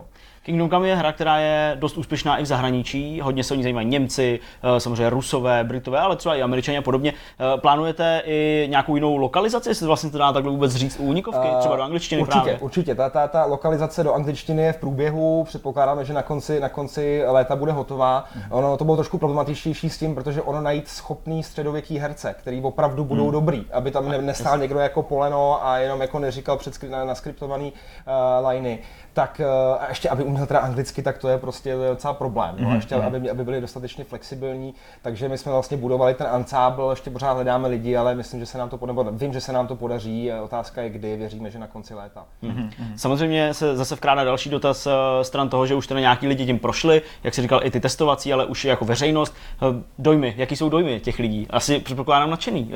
Uh, z toho, co tady říkáš, tak to vypadá hodně, hmm. hodně propracovaně. Jako ty, ty dojmy, třeba ten první run, který byl teda spíš testovací, tak už tam uh, lidi byli nadšení, tam byla ještě spousta nedodělků a uh, ty lidi byli, byli fakt jim svítili oči z toho, jaký to má potenciál. Uh, měli jsme tam právě i, i kluky z Warhorse, jeden, jeden, myslím, že to byli vývojáři, který jako podle toho, co já jsem slyšel, nebo já jsem s nimi nemluvil napřímo, tak uh, že z toho byli opravdu hodně nadšení. Mm-hmm. A byli z toho nadšení potom i lidi, kteří jako Kingdom Come ani neznali, kteří tam přišli zase, protože znají Chamber a, a protože je to něco úplně jiného. Je to opravdu něco úplně jiného. Uh, ty herecké výkony musím opravdu poděkovat všem hercům, co tam náleží, že jsou opravdu dokonalí a ta, ta, ta, ta imerze je perfektní a ty lidi to vnímají, a ty lidi to oceňují. Mm-hmm. A uh, jako ty, po těch prvních dvou ranech nás to natolik jako nabilo, ty jejich reakce, já to tady jako ten nemůžu ani jako vyjádřit, nebo mm-hmm. jaký ty reakce byly, tak nás to nabilo tak, že jsme opravdu jako jsme přesvědčení, že do toho půjdeme úplně naplno. Mm-hmm. Dlouho jsme ještě úplně nevěděli, jak to teda bude fungovat, kor za tu cenu, jo, protože ty únikovky běžně stojí 12 za celou, za celou hru, tady to stojí prostě necelých 15 za osobu, mm-hmm. Ale je potřeba už to vůbec ne, neporovnávat s těma únikovkama. Mm. To je úplně nový, to je úplně jiný koncept, to je opravdu spíš to interaktivní divadlo, to jsou experiences, které v zahraničí stojí i trojnásobek, jo.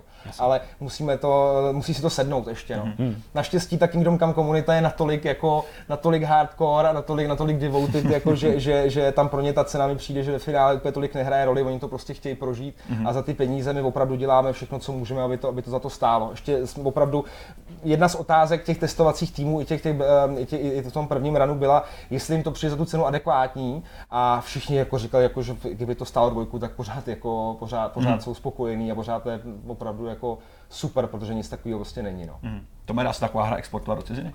Dá se exportovat do ciziny určitě. Uh, my, Může to být těžký kvůli té lokaci samozřejmě. Uh, my to, ono je to uh, ani ne tak kvůli lokaci, ale tu loka, lokaci bychom asi našli. My vlastně my ty, my ty uh, nebo našli, ty naše puzzle, to, co jsme všechno vyrobili na proto, tak to je všechno, jsou všechno stand-alone věci. To se dá mm. prostě vzít, má to, je, to, je to rádiově řízený, má to v sobě zdroje, takže, takže to se dá kamkoliv naportovat. Uh, já si myslím, že tam samozřejmě budou, bude možný dělat, nebo bude možná nutný dělat ústupky, co se té autenticity týče, protože nevím, kolik je takhle po Evropě objektů, které dosahují té míry autenticity, mm-hmm. co mhm. ta tvrz na Malešově. Nicméně to asi se dá přežít, ale hlavně v těch lidech, jo? že tam, tam mm. organizace té věci, dramaturgie, uřízení celého toho projektu je mnohem náročnější, než jsme si mysleli protože eh, jako to, to vám řekli i organizátoři LARPů ví svý a to oni tam ještě pracují s lidmi, kteří ale ví, co dělají. Jo? Mm, jako nám tam kolikrát chodí, nebo věřím, že budou chodit lidi, kteří jsou tím nepolíbení a, mm. a o to to bude náročnější. Takže tam spíš budeme řešit uh, asi spíš třeba nějakého partnera v zahraničí, který má skutečně zkušenosti s real life gamingem mm. a nějakým způsobem bychom mu ten knowledge předali a on by se o to postaral. Jako s Warhorsem jsme se bavili o tom, že by určitě bylo velice zajímavý a určitě bychom rádi tady to udělali třeba v tom Německu, což je velice relevantní trh. Mm uh, pro ně a udělat to, udělat to opravdu pro Němce někde tam, aby to měli blíž. A protože Němci taky únikovky mají velice rádi, ta scéna je tam hodně, hodně, uh, hodně rozvinutá. Takže jo, portovat budeme chtít, uh, uvidíme, jak se, jak se podaří. Dobrá, no tak já myslím, že jsme postupně došli a vyčerpali jsme témata pro tenhle rozhovor. Já klidně můžu i divákům našim tady tak nějak prozradit a zatýzovat do budoucna, že už jsme samozřejmě domluveni, eh, že se na tu hru půjdeme taky podívat, takže určitě eh, vám pak eh, sdělíme i naše vlastní dojmy a postřehy z toho, co jsme viděli. Nicméně na úplným závěru, ty jsi člověk, který viděl spoustu a spoustu lidí hrát tvoje únikové hry nebo hry, který si organizoval.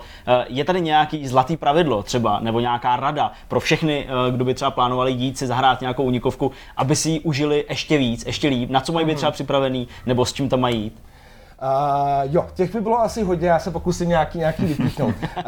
Uh, v první řadě, uh, v, pokud, pokud jdete na tu unikovku, uh, berte to vážně, zkuste se, zkuste se do toho opravdu do toho příběhu ponořit. Čím více do toho ty lidi ponoří, tím lepší zážitek z toho budou mít. Jo. Uh, nepřistupovat k tomu, jako jo, to je jenom hra, nebo potom třeba v těch hororových hrách, co máme, tak se prostě snaží, on to je možná částečně i defenziva, ale snaží se tomu smát a podobně a tím jako narušují potom tu imerzi těm hmm. ostatním.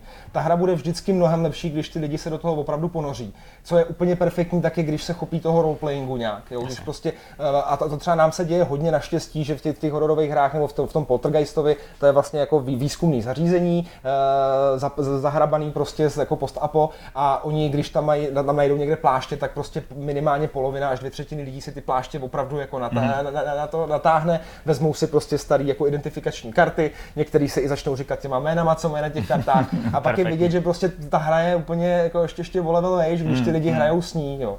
A potom je to, potom další rada by asi byla opravdu ponechat eh, někde stranou eh, základní nějaký to, nebo to, to myšlení, myšlení který, na který oni jsou zvyklí. Je potřeba tam opravdu přemýšlet velice abstraktně, zapomenout na nějaký mechanismy, který znají jakoby z normálního světa a snažit se na všechno nahlížet out of the box mm-hmm. a bude to, bude to, budou z toho mít taky lepší zážitek. A někdy, někdy ty lidi mají tendenci to jako, jako pro overthinking, jo? že někdy ty jo, věci jako jsou až... jednodušší, než jsou, že se od nich čeká, že tam budou opravdu muset být raketoví inženýři, ale to tak není. Ono hmm. většina těch her jsou opravdu zaměřený na selský rozum a nějaký, uh, no, selský rozum to v podstatě vystihuje. No.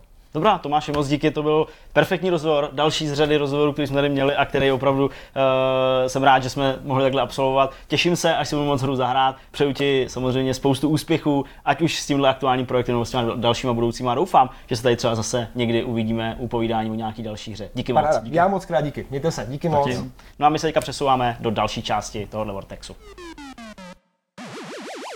Rozhovor máme za sebou a následuje závěrečný myšmaš, to je tohleto povídání. Na samotném konci začneme u Zdeňka, který nás už na začátku lákal na to, že ještě se přece jenom vyjádří k té uzavřené alfa verzi nového Battlefieldu, se kterým si strávil čas navíc. Ale my jsme o tom povídali už jako hodně, na E3, hráli jsme tu ukázku, uh, možná lidi, kteří sledovali můj stream, tak ještě jako další nějaký postřeh. Já bych to tady rád jako zhrnul, uh, protože mě přijde... Já zrecenzoval přímo. Uh, cože? Zrecenzoval. No, možná to i trošku zrecenzoval, protože musím fakt říct, že mm, jsem rád, že se mi splnilo aspoň částečně to, co jsem se snažil těm lidem na druhé straně téhle kamery, nebo té druhé kamery tady někde je, říct, a to, že ta ukázka, kterou oni zvolili během toho odhalení, byla vybraná dle mýho hloupě, hmm. zbytečně, protože vyvolala opravdu zbytečný rozruch, ale ta hra samotná je velmi tradiční hmm. v tom pojetí, tak jak známe Battlefield samozřejmě. Takže to jsem jako vlastně docela rád, že se jako splnilo a že opravdu ta, ta bitva v tom Narviku, v tom, v tom přístavu působí vlastně úplně normálně.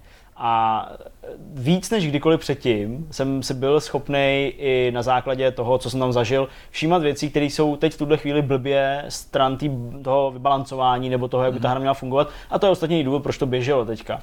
A jako pokud jste to třeba hráli, tak uh, bylo úplně šílený, jak uh, obrovsky nutný je, aby tam byl třeba limit na ty snipery. Mm-hmm. Protože mně prostě přišlo, že v těch hrách, těch jednotlivých, ať už jste si zvolili ten klasický Conquest, anebo ty Grand Operations, která teda vlastně je de facto Conquest, nebo směsice nějakých víc módů roztažených na, na několika dnech, v tomhle případě konkrétně na dvou dnech, na dvou etapách toho boje, tak uh, to bylo tak strašně do nebe volající, mm. že postupně každý byl sniper. Mm. Jo, a jako tam jít do nějakého souboje, na blízko znamenalo jako dát svůj život v šanc, když jste přebíhali hmm. mezi těma kontrolníma bodama, protože prostě to na vás lítalo zleva zprava. Hmm. Fakt mě to štvalo a úplně bylo vidět i na těch hráčích taková frustrace. Neustále se tam zmiňoval v tom chatu jako stop sniping, jo, prostě kreténi, nedělejte to, fakt kazíte tu hru, jo, oni to musí vylepšit. To je první věc. V tomhle ta nepřesnost gamepadů na konzolích je v myslím smyslu očistná, jo, že tomu předejde. Jasně, hrál jsem to na PC, to je asi potřeba dodat, i když to, to, to, to z toho asi vyplývá. Druhá věc, která se mi vlastně zas až tolik nelíbí,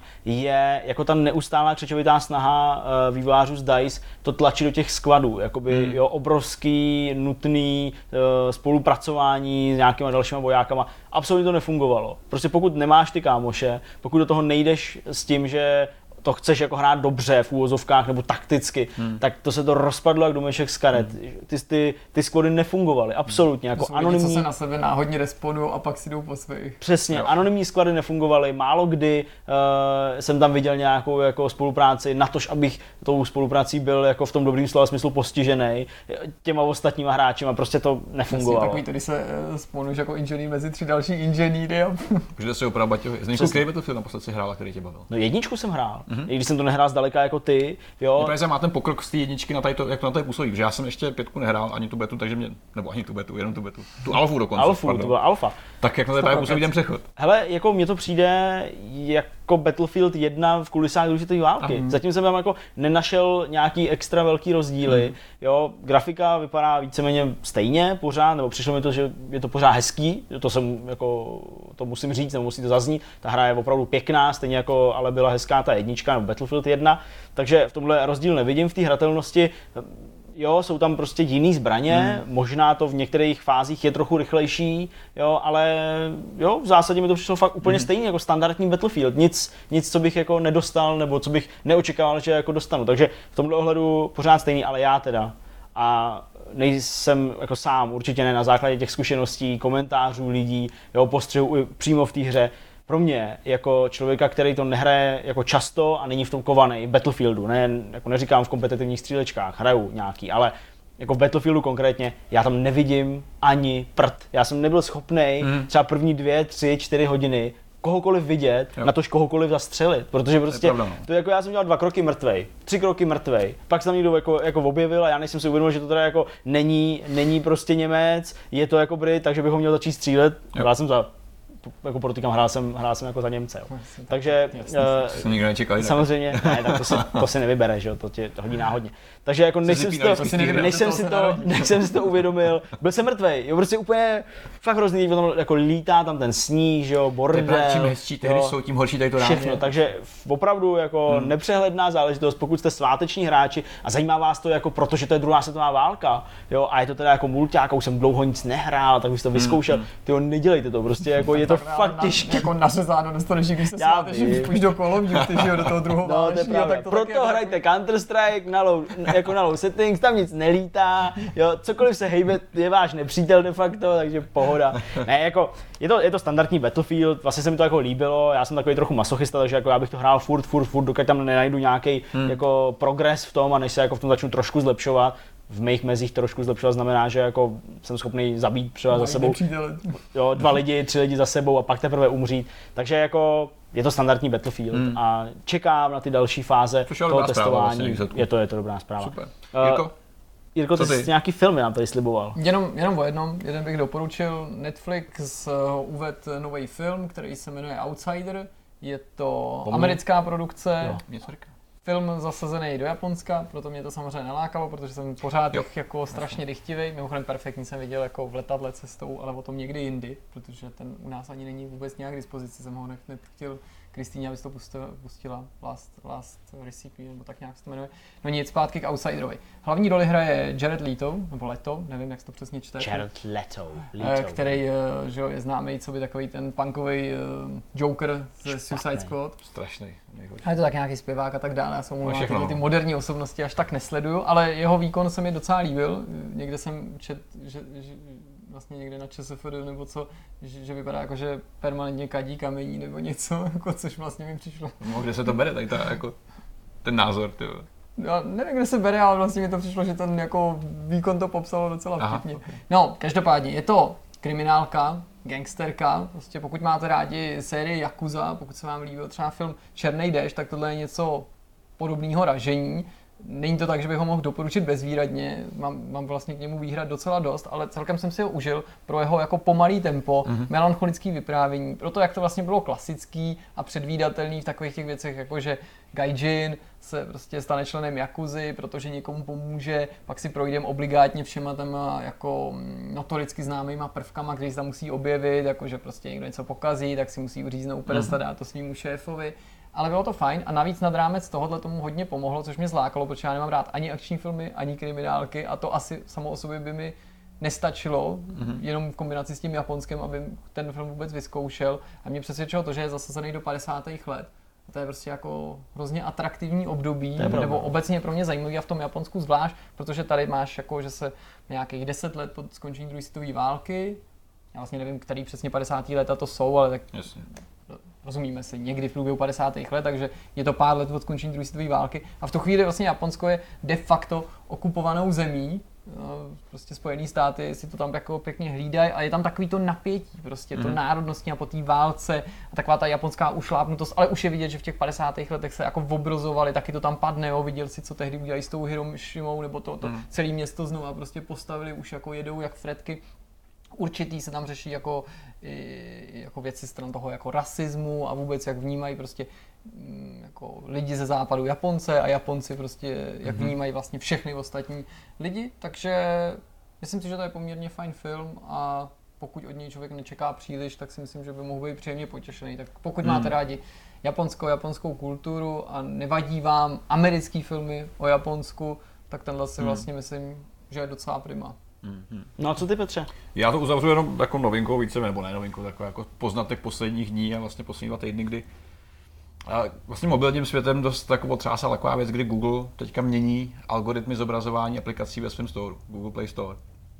A je to docela vtipný sledovat, protože má to na spoustu aplikací negativní, pozitivní dopad.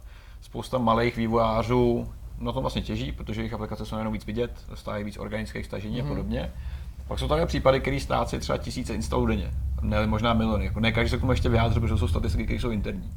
A Google nějakým způsobem mění to, kde je vidět ta apka a jak, nikdo neví přesně, jakým způsobem to mění, ale má to docela drastický dopad, protože tady řada, řada studií, o kterých jsem slyšel, že ztrácí třeba 200 000 instalací denně. Těch organických, to znamená, Tež že někdo prostě jde storem a řekne si, to je skápka, stáhnu si ji a jsem v pohodě. A to je dost jako brutální. Prostě pro spoustu firm tady to může být vlastně likvidační, protože spousta z nich spolíhá právě na ten organický trafik, který se ti dostane. Mm. Ale z druhé strany to, to, že to jako preferuje třeba ty menší hry, to nezní jako, že by to bylo úplně špatně. Ne, jako ne, chápu, tam, že vždycky někoho to ovlivní z druhé strany negativně. Tam je otázka, to je potřeba jako nějaká asi větší analýza, protože nikdo vlastně neví, hmm. koho reálně to zobrazuje, kdo je ten zvýhodněný. Těch velkých, opravdu velkých firm se to reálně nedotkne, protože ty jsou vždycky vlastně featurovaný téměř konstantně. Jo? Když si prostě v té hlavičce vidět aplikace nějaký nejnovější, tak tam jsou ty největší výváři, tam vždycky tu apku nějakou mají. Takže těm se tolik nestane. Protože těch hlavních poutáků se prostě nedotklo ani. Právě, právě, ty jsou stejně vždycky vidět. Ale je to vtipný samozřejmě nějaký mezidobí, kdy, kdy prostě jiné aplikace nejsou vidět. A hmm. chtěl bych třeba vidět, kolik může ztrácet Supercell reálně. Jo, Supercell, jakožto asi jeden z největších výrobců mobilních her na světě, tak tam se můžou ty instalace, ta ztráta, pokud třeba v řádech milionů instalů denně, což ale je jako v tomhle světě šílený číslo. Asi po tobě nechci žádný čísla, protože je nemůžeš říct, ale můžeš teda jenom říct ze své zkušenosti, jestli na studio vašeho typu to mělo teda jakoby pozitivní nebo negativní dopad. V našem případě to nemělo téměř žádný dopad. My, my spolíháme vlastně na, na nakoupený trafik, to znamená uh, skrz vlastně lidi, nám tečou skrz nějaké reklamy takzvaný user akviziční kanály mm. a podobně, který zase trošku boostí ten organický trafik, protože v momentě, kdy máš instalace, tak seš i vejš vidět a mm. je to jedno z druhým. Vlastně čím víc lidí do té aplikace mm. teče a víc si stahuje, tím víc vidět seš na všech možných kanálech, žebříčcích, eh, různých eh, regionálních eh, nabídkách a podobně. Takže u nás to mělo takový velký dopad, protože naš, náš organik je vlastně dost malý v porovnání s jinými studiama, mm. takže je to v řádech jakoby desítek jednotek vlastně uživatelů a stažení, což je v pohodě, což je v pohodě. Ale chtěl bych vidět vlastně reálně, co se mění a jaký jsou ty pravidla, protože ten algoritmus je něco, co Google nikdy nepustí. To je věc, která, kdyby se někde ukázal, tak to samozřejmě bude každý ohýbat, protože existuje řada technik, jak tady to jako pochcávat uh, a jak to prostě, jakoby, jak se pohybovat v tom, on to říká jakoby ASO žebříčku, což je jakoby App Store Optimization, uh, jaký jsou klíčové slova, jak použiješ vlastně Každá aplikace má nějaký svůj klíč, to se mu říká bundle code, je to, je to nějaký formát jako ve, ve stylu com, tečka, název studia, tečka něco.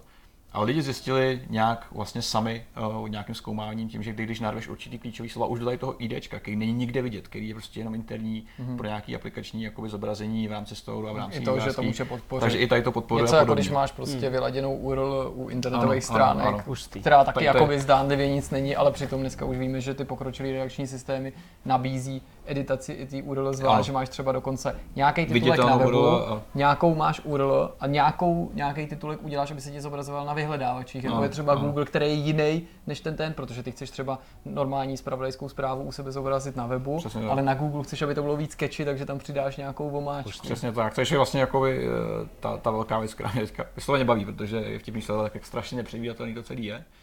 A teďka se samozřejmě zase velkým řeší znovu GDPR, protože se udělal nějaký větší audit a ukázalo se skrze nějakou nezávislou studii, že aby se prostě jakoby odebral ze všech listů, eh, třeba na Google, tak musíš prostě projít třeba 40 různých podstránek skrz různé služby, aby se z toho jako reálně dostal. Což je prostě jenom výsledek toho, že zase někdo vymyslel nějakou jakoby, věc, která se nedá prostě aplikovat na takovýhle masivní hmm. kretenský hmm. megakolos, jako je Google, jako je Facebook a podobně. No, jako, jako zase probuzení prostě lidí z různých úřadů, kteří si řekli, ha, tak no, tak zase budeme chytrý. Cesta, cesta do pekla je dlážděna vlastně dobrými no, skutky. No, pokud, pokusy o dobrými skutky, tak takhle nějak to asi občas dopadne. Tím Dobrá. to asi uzavřel. No tak jo, tak jsme na konci. 40 vortexů. 40 hmm, vortexů. To je hustý. číslo. To je hustý. Stárne, Už nám to stárne, přesně tak. No, každopádně eh, pro tenhle týden je to všechno. Eh, doufám, že jste si užili volno, protože tenhle Vortex, eh, pokud všechno jde zase podle plánu, tak vychází v pondělí po tom prodlouženém víkendu. No, a to je všechno. Uvidíme se za týden zase. Buďte dobří. Buďte dobří a sledujte náš kanál. Je tam spoustu informací o hrách. A taky občas choďte ven a a někdy ho taky třeba nesledujete. rodině. Tak. Mějte se Mějte se pěkně. Ahoj.